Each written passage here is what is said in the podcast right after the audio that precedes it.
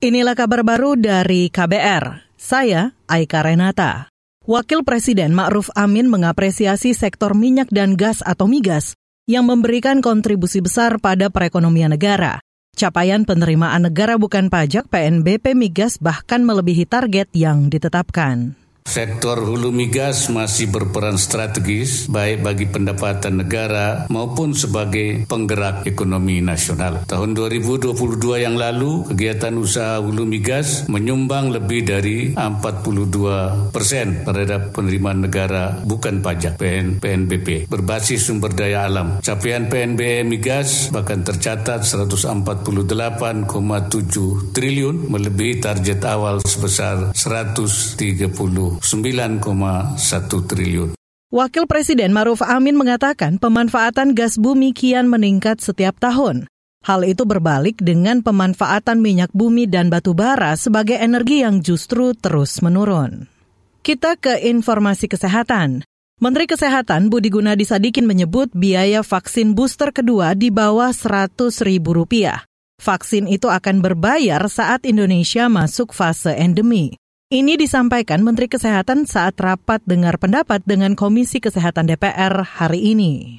Kemudian vaksinasi untuk booster kita siapkan. Nah nanti begitu transisinya selesai, karena vaksin ini kan harganya sebenarnya di bawah 100 ribu lah vaksinnya ya, belum pakai ongkos. Harusnya ini pun bisa di cover oleh masyarakat secara independen gitu. Karena tiap 6 bulan sekali 100 ribu kan menurut saya sih suatu angka yang masih make sense.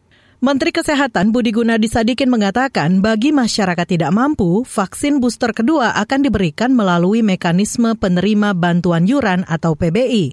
Sedangkan masyarakat yang tidak masuk PBI harus mengeluarkan biaya bila mau divaksin booster.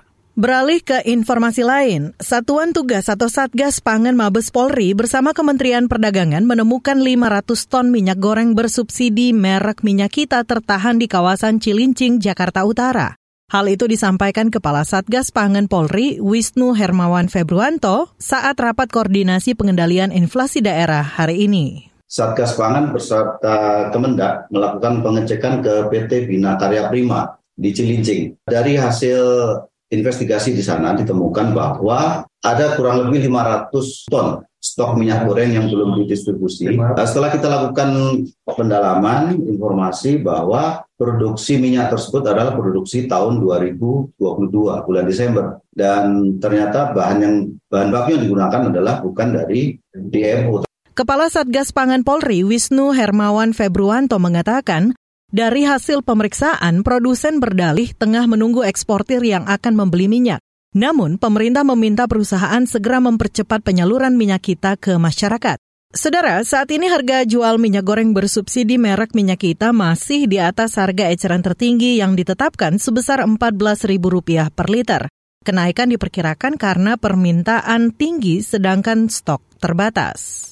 Demikian kabar baru dari KBR. Saya Aika Renata.